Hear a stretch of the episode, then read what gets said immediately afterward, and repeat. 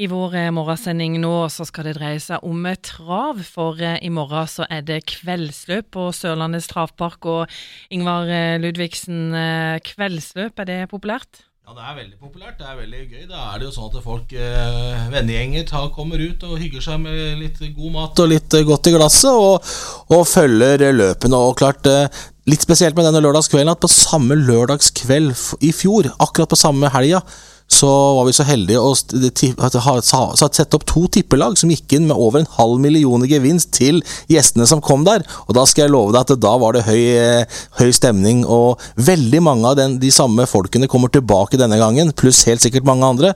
Så vi har jo litt press på oss, men vi, vi gleder oss til løpene i, i morgen lørdag kveld.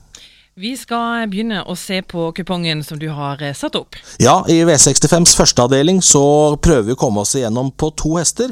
Det er hest nummer fire, Vertigo Dominant, som er en alternativ banker. Også da evigunge Galileo som nummer åtte, som har vært veldig, veldig god. Eh, var veldig god i sin siste start eh, og virkelig er på vei opp til god gammel form. Så hestene 4-8 i V65-1.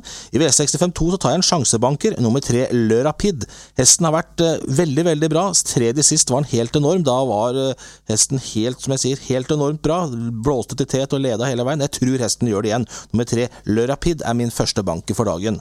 Så er det V65-3. Der prøver vi å komme gjennom på fire hester.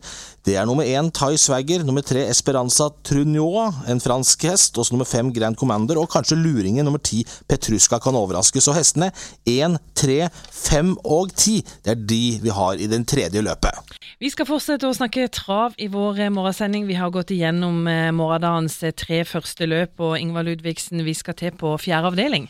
Ja, det er et løp som jeg faktisk har en ny alenestrek. Det er nummer fem Dansken. Det er et fett, kult navn. Dansken er har stor kapasitet, men han er litt uryddig innimellom og galopperer. Men holder han, holder han seg til trav til i morgen kveld, lørdag kveld, så tror jeg dansken er et sikkert kort, og singelstreker dansken.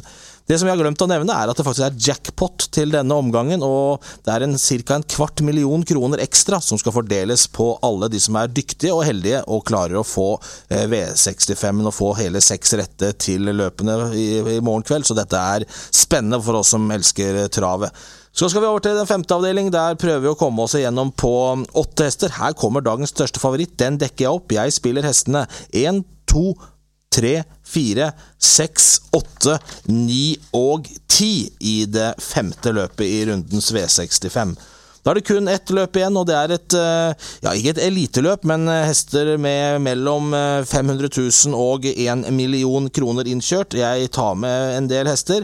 Jeg tar nummer, nummer to, nummer fem, nummer seks, nummer ni, nummer ti og nummer tolv, Vilma Legrobakk, som er en hest som jeg er medeier av. Hun har tjent rett over én million kroner. Hun er eh, meget bra, men hun er litt sånn eh, outsiderpreg etter eh, pause. Denne bongen den skal leveres da på lørdag før klokka 19.30. Og husker du bongeprisen, Heidi? Den er på 384 kroner. Det er helt korrekt. Og husk å stemple som sagt før lørdag klokken 19.30.